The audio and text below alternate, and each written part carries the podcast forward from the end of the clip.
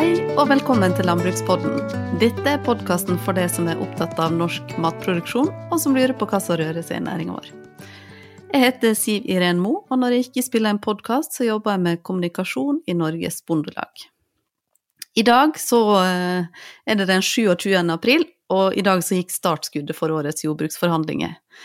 Kjersti Hoff, leder i Norsk Bonde- og Småbrukarlag, og Lars Petter Bartnes, leder i Norges Bondelag, leverte jordbrukets krav under en pressekonferanse litt tidligere i dag. I denne episoden her så tenkte jeg at vi skulle oppsummere hovedtrekka i kravet, og samtidig si litt om hva som skjer videre i forhandlingene. Anders Hus, seniorrådgiver i Bondelaget, du skal hjelpe oss med å få litt oversikt her i dag. Velkommen. Takk skal du ha for det. Ja, jeg skal prøve så godt jeg kan. Det tror jeg går veldig bra. Media er jo kjapt ute og skriver når vi legger frem kravet vårt, og fokuset der det ligger ofte på ramma. Jeg tenkte kanskje vi skulle begynne der. Hva mm. er ramma? ja, ramma det er jo da eh, hvor mye penger er det som må settes av eh, i årets jordbruksoppgjør eh, for å få eh, en inntektsvekst. Og i, og i år så har Norges Bondelag eh, løfta dette med inntekt eh, veldig høyt. Eh, og eh, ramma i millioner kroner, den er på i overkant av 2,1 eh, milliarder. mens Og det skal da kunne skape inntektsmuligheter tilsvarende nesten 50 000 kroner per årsverk. Eller altså 48 700 kroner per årsverk. Ehm, og da har man jo da dekket inn kostnadsvekst, forventa kostnadsvekst det kommende året. Ja, for det er jo eh, litt høyere beløp enn det har vært tidligere, er det ikke det? Jo, eh, altså disse rammetallene, dette som jeg sa 2,1 milliarder, det varierer litt fra år til år. Avhengig særlig av hva man forventer kostnadsutviklinga vil være, men også hvordan markedet vil utvikle seg. I år så er det litt spesielt, for nå har vi jo vært inne i en eh, pandemi. Og da har man hatt et veldig eh, godt marked. Eh, men i 2022 så er det ikke gitt at effekten av pandemien vil være til stede. Så nå forventer man en reduksjon i markedet her. Eh, tilsvarende ca. 240 millioner kroner, som man krever å få dekka inn i jordbruksoppgjøret. Det, det tapet. Ja, jeg skjønner. Eh, og så var du inne på hvor mye dette slår ut for bonden sin del, at det var det 48 000 du omtrent? Ja, og, og, og da er det jo sånn at, uh, at uh, vi, man bruker gjerne å splitte opp dette. Mm. Fordi at man sammenligner jo seg med utviklinga i inntekt for lønnsmottakerne. Og eh, den forventa inntektsveksten for lønnsmottakerne i 2022 er eh, beregna til 18 700 kroner. Eh, og det betyr jo da at eh, man krever jo da punkt én å få eh, tilsvarende inntektsutvikling som lønnsmottakeren, målt i kroner, altså 18 700. Og så I tillegg så krever man å få redusert inntektsavstanden mellom bønder og lønnsmottakere med 30 000 kroner. Til sammen blir dette da 48 700 kroner. Og, og da, er det, da, er det, sånn at uh, hvorfor krever man uh, denne reduksjonen i uh, inntektsavstand? Jo, det er fordi at når man ser på det tallmaterialet som ble lagt fram Eh, før jordbruksoppgjøret, så ser man at eh, fra perioden 2015 og fram til eh, i dag, så har inntektsavstanden økt i stedet for å gå ned. Og Stortinget de har jo fattet et vedtak i 2017 i forbindelse med behandling av jordbruksmeldinga det året, om at inntektsavstanden mellom bønder og lønnsmottakere den skal reduseres. Og Det har altså da uteblitt og da, eh, Derfor krever man nå en ganske sterk eh, redusert inntektsgap med de 30 000. Ja. Hvordan, er det, hvordan har de beløpene vært tidligere år, da, på den reduksjonen? Ja, nå, nå kikka jeg litt tilbake på kravene her eh, tidligere, og, og eh, hvis jeg går tilbake til den gang eh, eh Stoltenberg-regjeringa tok over, i 2006, eh, første jordbruksoppgjøret med Stoltenberg-regjeringa, og fram til nå, så er dette det desidert høyeste. Ja. Eh, det nærmeste var jordbruksoppgjøret i 2011. Da man, krevde man 17 500 i tette gap. Mm. Og, eh, og, dette er jo et resultat av at eh, mange eh, bønder kjenner på dårlige inntekter og sliter. Og eh, man, eh, i tillegg så ser man jo det at det, det har vært en veldig svak inntektsutvikling, særlig da eh, i perioden 2015 til 2019. Og så har man fått et lite oppsving nå, men det er jo veldig koronadrevet og er veldig usikkert hvor lenge det oppsvinget da vil, vil kunne vare. Ja. ja, vi trenger et kraftig inntektsløft nå sånn at vi får med oss alle videre. Ehm, du var jo inne på litt på hvordan dette slår ut for bonden sin del, men for forbrukeren, da? Vil vi, vil vi se det på kassalappen? Ja, det tror jeg forbrukeren eh, overlever. Eh, jeg prøvde å regne litt på det også. Det eh, er vel sånn røftlig 160 kroner i året per forbruker.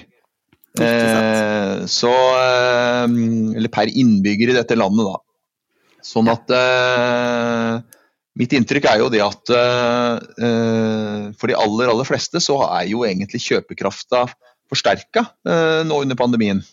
Ja. Fordi at ja, når man har har, har, mindre, har, mindre, fristelser å bruke penger på, rett og slett. Lite mindre på reiser, renta er lav, betaler mindre på, på lån. Mm. Eh, man ser jo det i utslag i boligmarkedet bl.a. Og eh, også for de aller fleste så, så er dette eh, er kjøpekrafta styrka. Så er det en gruppe som har, har fått svekka kjøpekrafta si. De som er permittert og arbeidsledige. Men det er klart det at, at den gruppa som da har spesielle behov, det er det jo er det jo andre deler av samfunnet som må, må stille opp, og ikke, ikke nødvendigvis eh, bøndene som må ta, ta, det ansvaret. Så Da er det jo, er det jo andre eh, deler over statsbudsjettet som må løse problemer som de måtte, måtte få eh, som følge av at de har, eh, har tapt inntektsgrunnlaget sitt. Ja. Eh, du snakka litt om koronaeffekten, eh, og det er jo også viktig hvis vi skal ha et landbruk eh, som hjelper oss da når vi har behov for det, sånn som vi har sett nå det siste året, så må vi satse på det fremover også. Nå har vi gått litt sånn gjennom ramma og hva som ligger beløpene som ligger i den, men hvordan er den fordelt? Kan du fortelle litt om, eller ta litt av hovedtrekka der? Ja, eh, den er jo fordelt eh, i forhold til både prisuttak. Da. På prisuttaket, det var det vi snakka om som hadde betydning for forbrukeren, mm. så ligger vel da ca. en tredjedel av eh, denne ramma ligger på, på, prisuttak, og to tredjedeler på økte budsjettoverføringer. Sånn at det er litt over 700 millioner kroner i, i, i økte såkalte målpriser. Eh, og da, også er det da ca. 1,2 eh, milliarder i økte tilskudd. Og når det gjelder da disse målprisene, så har man jo da prioritert særlig de eh, produksjonene hvor det er et, eh, gode markedsmuligheter nå. Og det er jo da eh, svinekjøtt, eh, det er potet og det er grønnsaker. Og så har man også lagt på kornprisen en god del. Ehm, det siste her, der har man også da brukt eh, det man kaller for prisnedskrivingstilskudd. Slik at man ikke velter hele den kostnadsøkninga over på bonden selv eh, som kraftfôr i kraftfôrpris. Ja. Eh, så det er vel utslaget på kraftfôrprisene her er regna på uh, i overkant av tre øre per kilo kraftfôr. Okay. Ehm, når det gjelder budsjettoverføringene, så er jo det mye av budsjettoverføringene går til de uh, grovfòrbaserte husdyrholdet. Og det er fordi at det grovfòrbaserte husdyrholdet ligger inntektsmessig veldig lavt her. Så man har prioritert og lagt på mye av budsjettmidlene til knytta til sau og storfeslakt, men også en god del på melk. Ja, og det får jo oss egentlig over på også det med satsing på små og mellomstore bruk, for det har vel litt å si for dem. Hvilke grep er tatt i årets krav på akkurat det?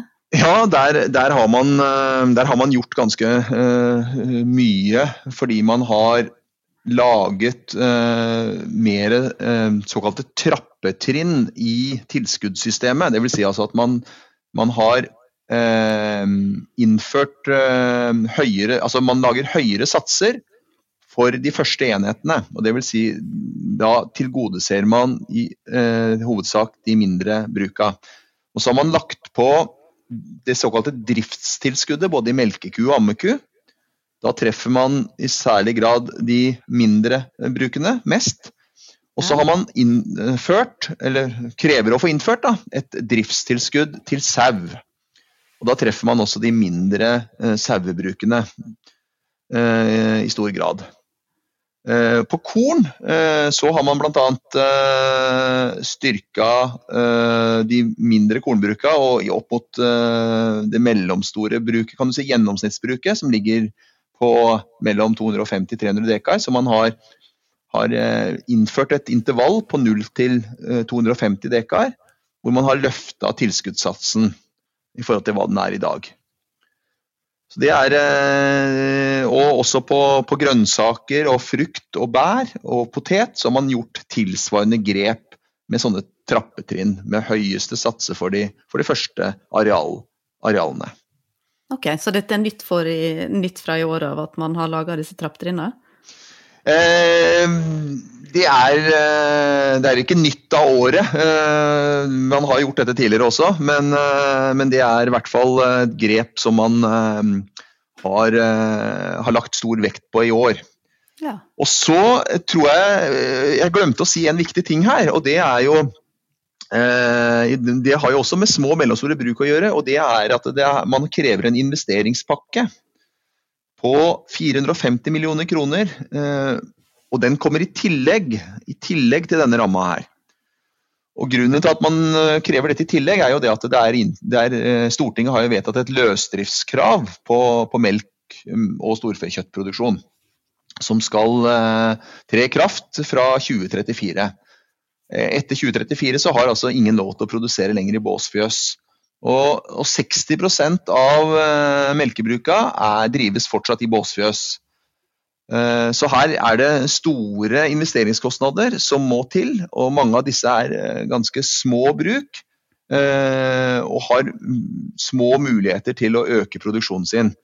Så Derfor så har man da vektlagt en pakke her, og man har også da sagt det at investeringer opp mot 30 kyr skal få inntil 50% tilskudd, med et øvre tak på 3,5 million kroner. Ok. Uh, og så må vi innom investeringsmiddel, eller må innom, vi var akkurat litt innom det, men jeg tenkte vi skulle si litt mer om det. Ja. Uh, hvilke investeringer er det som er prioritert i årets krav, eller har vi allerede vært innom alle vi trenger? Ja, altså Du tenkte på i eh, investeringsvirkemidlene nå, eller var du ja, på investeringsvirkemidler. Ja, Det er jo denne pakka da, som er uten, utenfor, som jeg sa. Mm. Og så er det også innafor de IBU-midlene som er der i dag, så er det en øremerking på 120 millioner til grøntsektoren. Og eh, utover det så det, ligger de prioriteringer som har vært der tidligere ja. på investeringsbruket. Det er bl.a. på klimaretta investeringer er prioritert. Ja. Ok, da tror jeg vi egentlig har vært innom eh, veldig mye. Er det noe spesielt du vil trekke frem ved årets krav?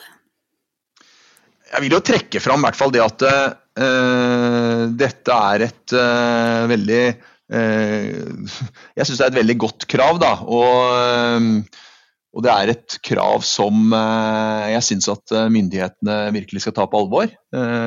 her har man synliggjort behov som helt klart er der. Sånn at vi forventer jo nå at myndighetene den 4. mai kommer opp med et, et godt tilbud.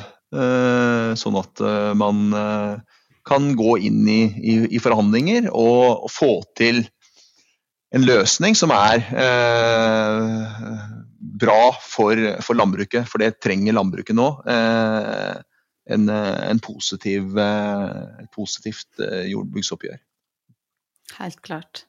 Nå, nå, nevnte du at den 4. mai så kommer eh, tilbudet fra staten, men hva skjer frem til da? Det, kan vi ta det litt med ro og så vente, vente til det, og så er det ja, Frem til da så regner jeg med at det, det er diskusjoner som uh, kommer til å gå opp i uh, media, på sosiale medier. Vi har jo en uh, gruppe som heter Bondeopprør, som har fått stor støtte, og som er viktig for forhandlingsutvalget å ha, ha, i ryggen. Det er sikkert mange meninger blant bønder om dette kravet. Noen syns det er kanskje er eh, for lavt, noen syns det er passe, noen syns det skulle vært innrettet annerledes. Det er sikkert mange meninger.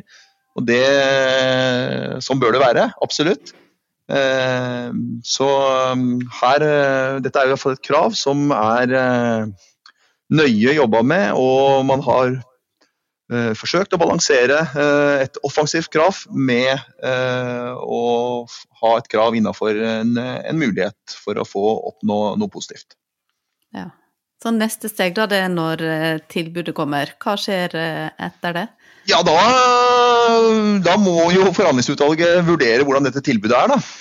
Og um, hvis tilbudet er, eh, er det man det bør være, for å si det sånn, så vil man jo da gå inn i såkalte forhandlinger og, og starte med de såkalte prosedyrene hvor man går gjennom krav og tilbud. Og så vil det jo eh, være eh, tøffe forhandlinger fram mot eh, fristen man har satt seg, som er i løpet av 15. mai. Og kjenner jeg forhandlerne rett, hvis man kommer så langt, så, så trenger man enda litt lengre tid. Så deadline, absolutt deadline vil jeg tro er før barnetoget ja, Nå er det kanskje ikke barnetog heller i år, men i hvert fall før barnetoget skulle ha gått den 17. mai, da. ja før toget skulle ha gått. Ja. Jeg tror vi avslutter med det, Anders. Eh, takk for at du ville bli med her i dag. Neste gang vi høres, så blir det tilbudsspesial, og spenninga for den episoden er vel rimelig høy. Jeg kjenner i hvert fall at jeg er utrolig spent. Så håper jeg at vi høres da. Jeg heter Siv Iren Mo, og du har hørt på Landbrukspodden, en podkast fra Norges Bondelag.